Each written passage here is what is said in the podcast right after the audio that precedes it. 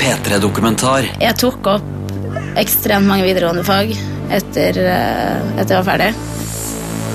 Når jeg endelig kom inn, jeg hadde ikke noe spesielt glede ved å, å komme inn. P3. Slik vi tilpasser oss til å ha det jævlig, tilpasser vi oss til å ha det herlig. Føler du deg som psykolog allerede? Eh, nei. Psykologibølgen, en P3-dokumentar om status, stress og sekserpress. Jeg heter Anne Dorte Lunås.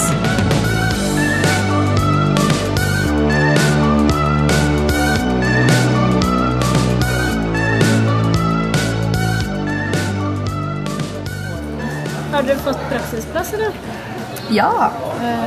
Hvor skal du gå? Eh, Jeg skal på Østmark avdeling 3, psykose. Oi, spennende. Ja, jeg gleder meg skikkelig. Det sitter tre heldige jenter i NTNU-kantina. De skal i praksis på psykoseavdelinger og kriseavdelinger møte mennesker det rakner for. Møte oss mennesker når vi er på det mørkeste, mest fortvilede og livredde. Hvor er det du fikk det? Eh, Nidaros. Jeg skal på krise- og korttidsseksjon. Oi, det høres skikkelig spennende ut. Jeg syns det er så mye spennende om man leser nedover hvor Ja, folk det. skal. Ja, men det er jo heldigvis spennende for oss, da. Hvis vi ikke hadde syntes det, så Andrea, Hanna og Hedvig er framtidas psykologer. Kan de redde oss når vi går på veggen av bare selvhat og håpløshet? Det er det som er planen. Og det gleder de seg til.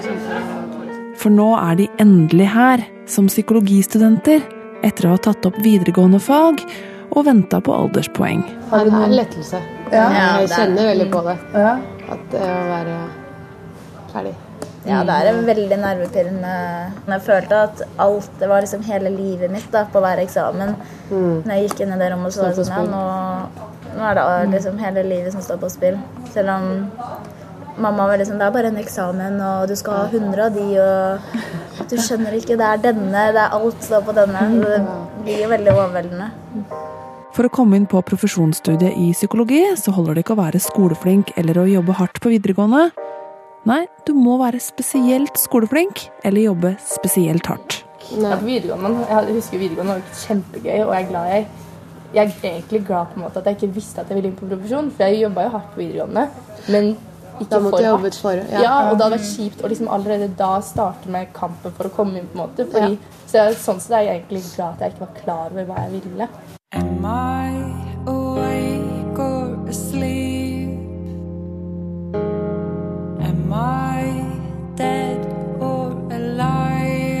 siste åra har profesjonsstudiet i psykologi vært det trangeste nåløyet i Studie-Norge.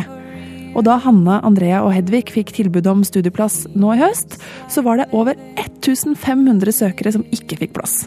Karakterkravet på psykologi har nemlig steget jevnt og trutt de siste åra, til over 66 poeng på det meste. Statusen til faget nærmer seg medisin, og har passert jussen for lengst. Og for hver av dem som kommer inn, så er det mange, mange som ikke gjør det. Og det virker som om nesten halvparten av dem bestemmer seg for at de skal inn likevel. De tar opp kampen. Og nå skal du få møte en av dem som kjempet virkelig hardt for å komme inn på psykologi. Jeg har alltid vært en av de som liker å sitte og se på folk på kafé, ikke sant. Man er interessert i hva foregår inni hodet til han eller hun som går forbi der. og tenker, hva tenker han på i dag? Jørgen Flor var en av dem som ønsket å komme inn på psykologi. Tilbake i 2006, da han begynte, var det ikke videregående karakterer, men et årsstudium man måtte gjennom for å komme inn på profesjon. Det var like trangt om plassene den gangen. Hvis man ikke hadde noe annet enn AR, var det bare å glemme psykologidrømmen.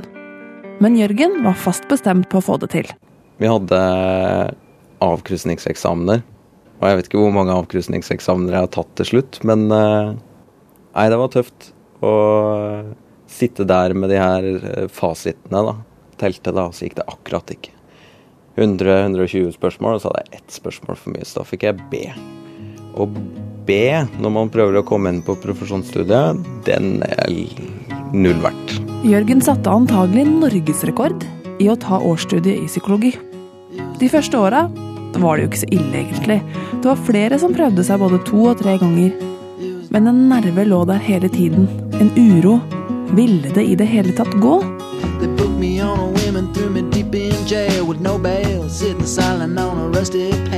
Det var mange nesten. Det var mye stang ut.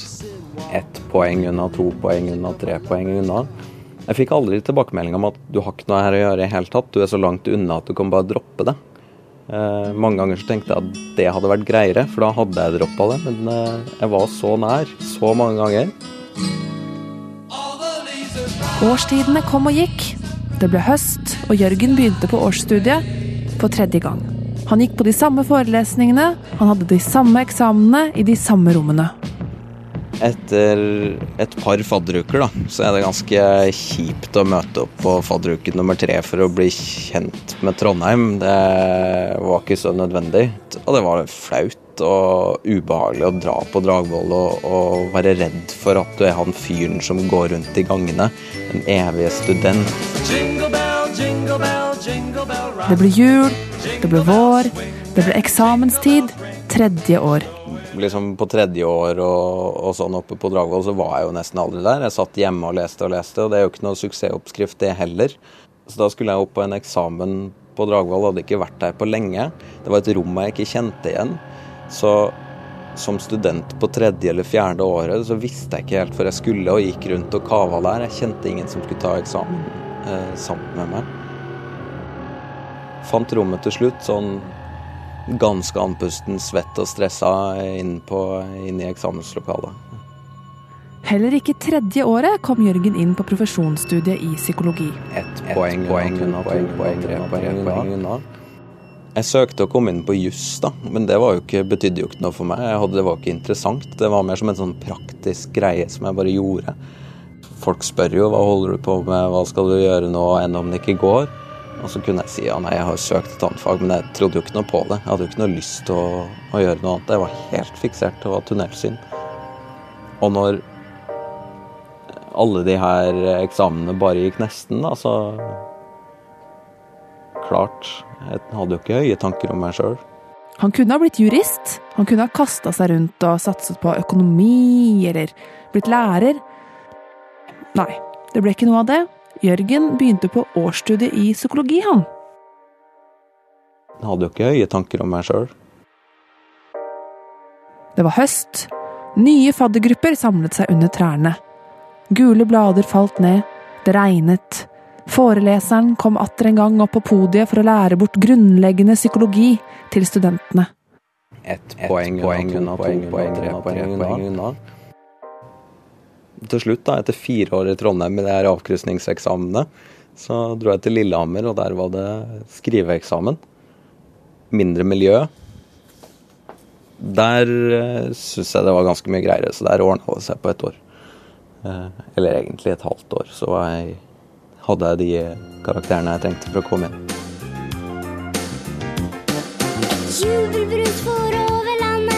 Jeg brukte fem år på årsstudiet, så jeg sier liksom flåste at jeg hadde mastergrad i årsstudiet. Når jeg endelig kom inn, selv om jeg da hadde hatt en god opplevelse på Lillehammer i tatt, jeg hadde ikke noe spesielt glede ved å, å komme inn. Jeg var mer Det skulle jo bare mangle. Jeg var jo livredd de første semestrene på profesjonsstudiet for at jeg hadde jo brukt lengst tid av alle. Ergo måtte jeg jo være den sløveste og dummeste av alle også. Og da er det vanskelig å rekke opp hånda og spørre om noe, eller Ja. Så da, når jeg ser tilbake spesielt på det første året på profesjonsstudiet, så var jeg nok langt nede sånn selvtillitsmessig, da. Men det er jo ikke den Jørgen som står her i dag, som snart er ferdig med utdannelsen.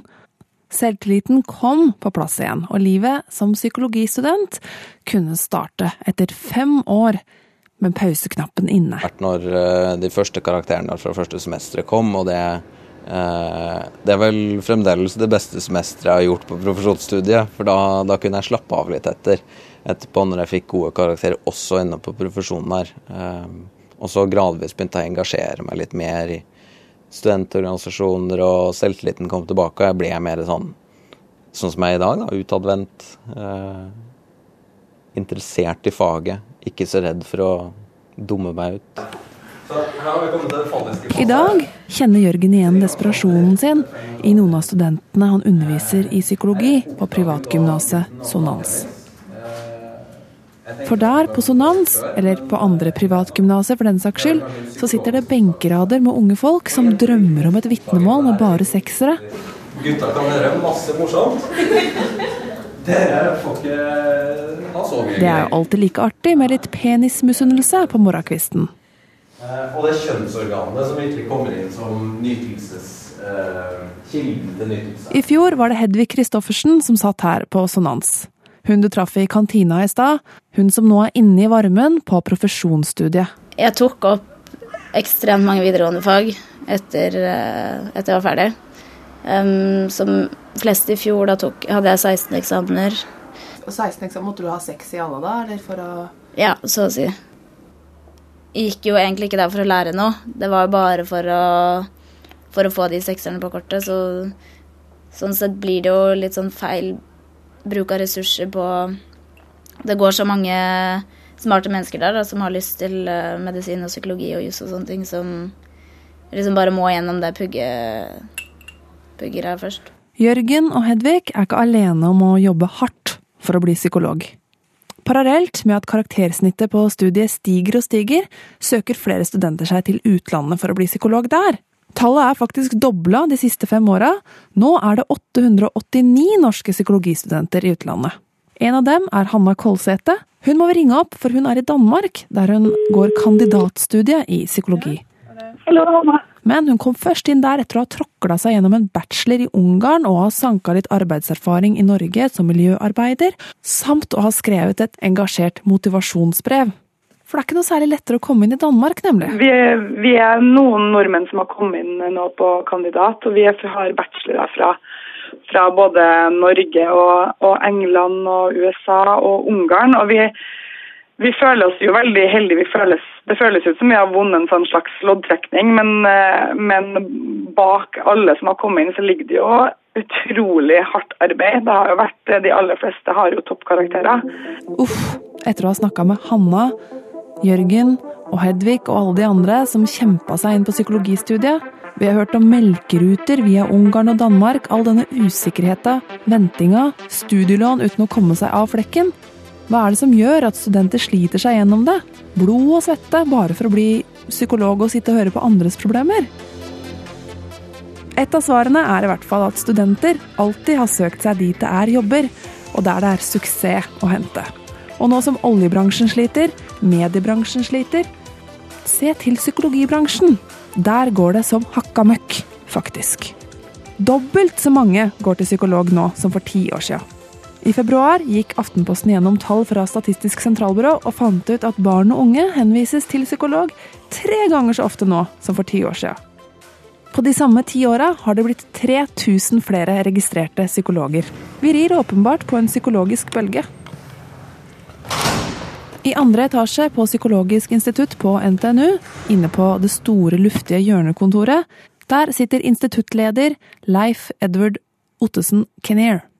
Han er professor og evolusjonspsykolog og ser mennesker i den store sammenhengen. Kanskje han har noen svar på hvorfor vi går mer til psykolog enn noen gang i, for å si det med en klisjé, verdens rikeste og tryggeste land.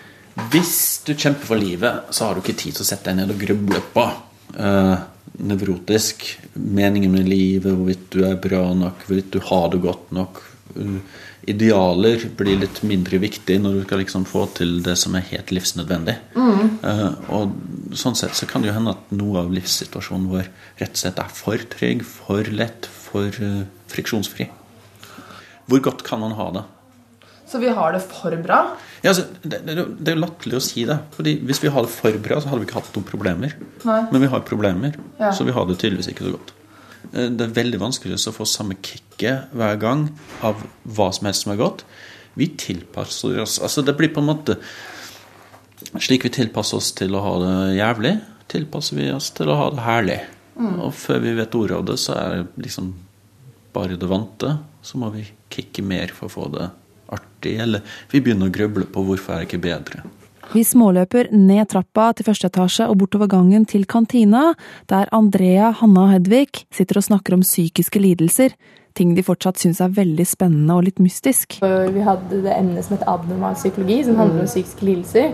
Og da sa de sånn Ja, det kan jo være greit å putte noen mennesker på lidelsene for å huske de til eksamen. Som en pluggeteknikk. Ja, men så fikk vi i klokken så fikk vi Ole Brumm, da.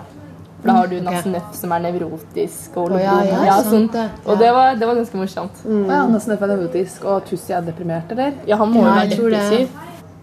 Det er jo liksom litt sånn skrekk òg, da. Jeg tenker sånn Og litt sånn redsel for å finne ut at man liksom har noe Alle føler sikkert litt på den.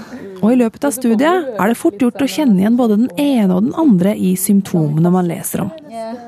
Alle blir visst litt hypokonder i løpet av dette studiet her. Man begynner å granske seg sjøl.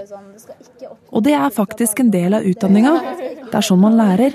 Allerede nå, fra første året, så må Hanna, Hedvig og Andrea se innover og fortelle om seg sjøl i klasserommet. Det var helt tydelig at alle var veldig nervøse da vi starta. Alle satt litt rett på stolen og litt sånn uh, stressa. Eh, og så Man er ti myk- Ja, man er ca. ti, og så myker det opp ganske fort. For de er så eh, Når hun psykologen er liksom litt mild og Å, ja. fin. Og da, Da sitter det en person som liksom er litt psykologen deres. Ja, da. eller hun, Ja, eller driver det litt, da. ja, driv, ja, hun er jo lærer eller psykolog eller hva mm. Og disse bekjennelsesteamene, som vi kan kalle dem, som er en del av den kliniske utdanninga, det gjør inntrykk på alle som er med, og gjør at studiemiljøet på psykologiprofesjon blir litt spesielt og kanskje litt tettere og varmere. Jeg husker vi satt i et liksom Det var et klasserom på Dragvoll, og psykologen da som eh, Som skulle si underviste eller veileda oss, hadde tent et lys, og det var veldig sånn Det var jo et slags press på at man skulle fortelle, da. Noen fortalte nok eh, kjipe hendelser som de aldri hadde sagt til noen før, tenker jeg. Mens andre kom nok sikkert med en mer eh, glattave versjonen for å for ikke synke for dypt, på en måte, eller for å bevare noe av eh, Ja. Så det varierte nok. Eh, det viktigste var jo egentlig lyttinga, det at folk hørte på det. Mm. Og det at alle hadde sånn respekt for det du fortalte. Hvordan var stemninga dere imellom når dere gikk ut fra det klasserommet? Var jo litt sånn eh, Det var nok noen tårer i kroken eh, hos de fleste når det hadde blitt fortalt en, en vond historie. Eh, Det var jo litt gråting, og det tenker jeg jo er, er fint, egentlig.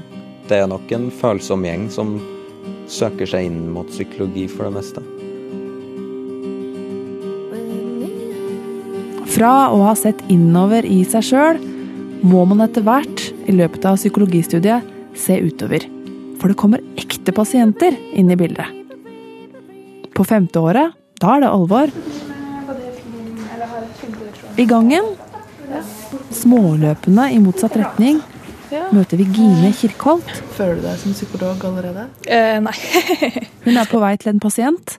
Et barn som hun skal hjelpe til å få det bedre. Eh, nå skal jeg ha min første time med en eh, ny pasient som vi får inn i dag. Så det blir veldig spennende. Hvor, hvordan er det du forbereder deg til det? Um, snakker med gruppa mi. Hva, spør hva er det lurt å gjøre nå.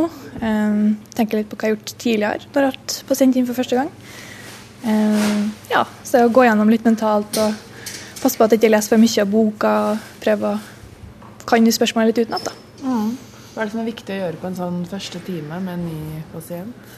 Uh, veilederen min pleier å si at det viktigste er at de kommer tilbake neste gang. Uh, så det blir å skape en god atmosfære, møte dem på en god måte og ja, gjøre det så trivelig at de har lyst til å komme tilbake. Får dere liksom alle mulige slags pasienter her når dere fortsatt er studenter, eller er det liksom sånn at dere får ting som ikke er helt sånn ekstremt vanskelig, eller Ja, det er litt sistnevnte. Vi får til eh, pasienter som har problematikker som er eh, lettere å fikse på den, den tida vi har, Mm. som jo er en 13 uker Mm. cirka. Mm. Så ikke veldig tunge problematikker, det er ikke. Nei. Sånn. Ja. Får de som går til dere studenter, like god behandling som, som går til Det vil jo nesten driste meg til å si bedre, eller det har veilederen sagt, så da regner jeg med det er ok å si. Eh, fordi til oss så er jo de den eneste pasienten vår, sammenlignet med en eh, vanlig psykolog som har veldig mange pasienter i løpet av ei uke. Og ikke noe ille om det, det er jo flinke folk. Men eh, våre pasienter opptar oss nok den uka Jeg tenker veldig masse tenkekraft som går inn på hva skal vi gjøre nå, neste gang, og hvordan går det med en. Og vi er jo også fire personer som er inne og, og tenker høyt og drøfter om eh, pasienten vår. Ja. Da er timen ferdig, så fem minutter etter det, kanskje. Ja, den er god. Eh, Ventearealet her, så det er jo bare å sitere en plass og finne noe. Nydelig. Men da får du ha lykke til. Jo, takk. Gine forsvinner inn på poliklinikken borterst i universitetsbygningen. Her skal hun ha en vanlig terapitime med et barn og hans foreldre.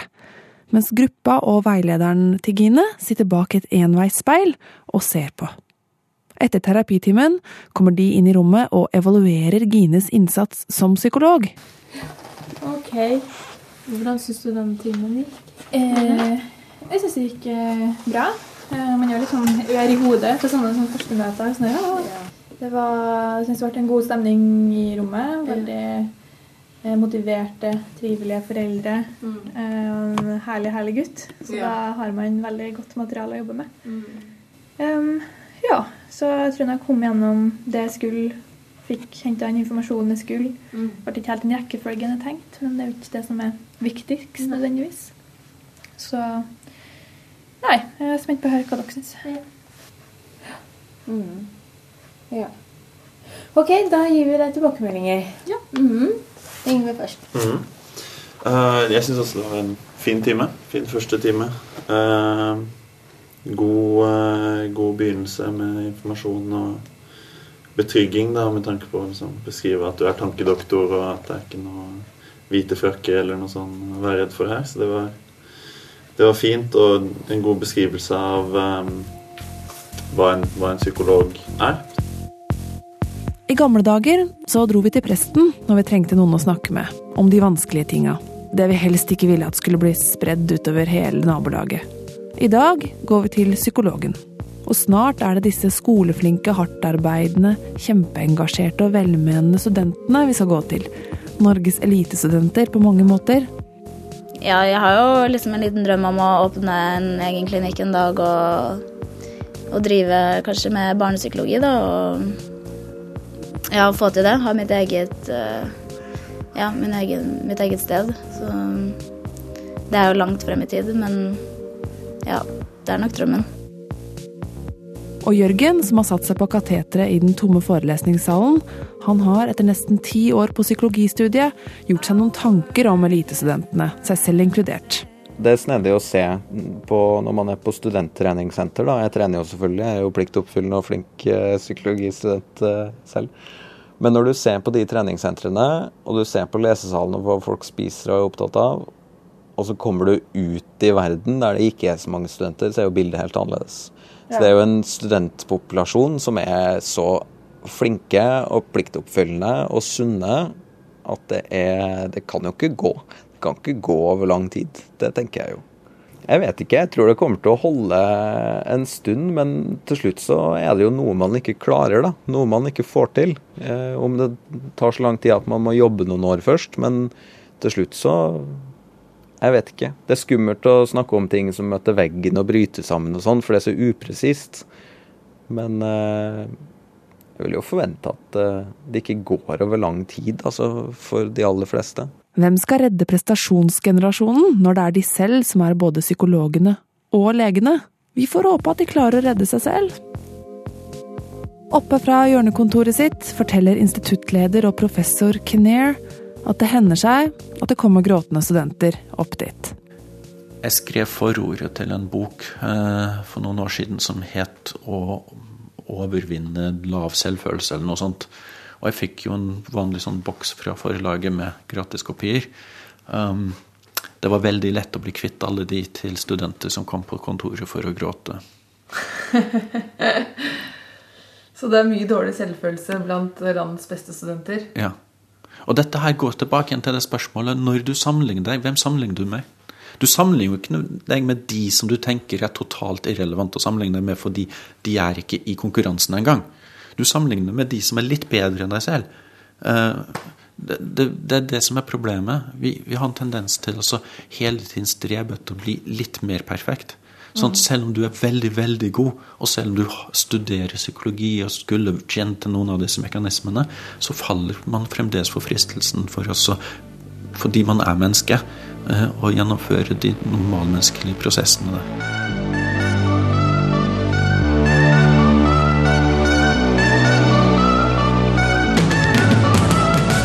P3-dokumentar søndag klokka ni på P3 og når du vil på p3.no.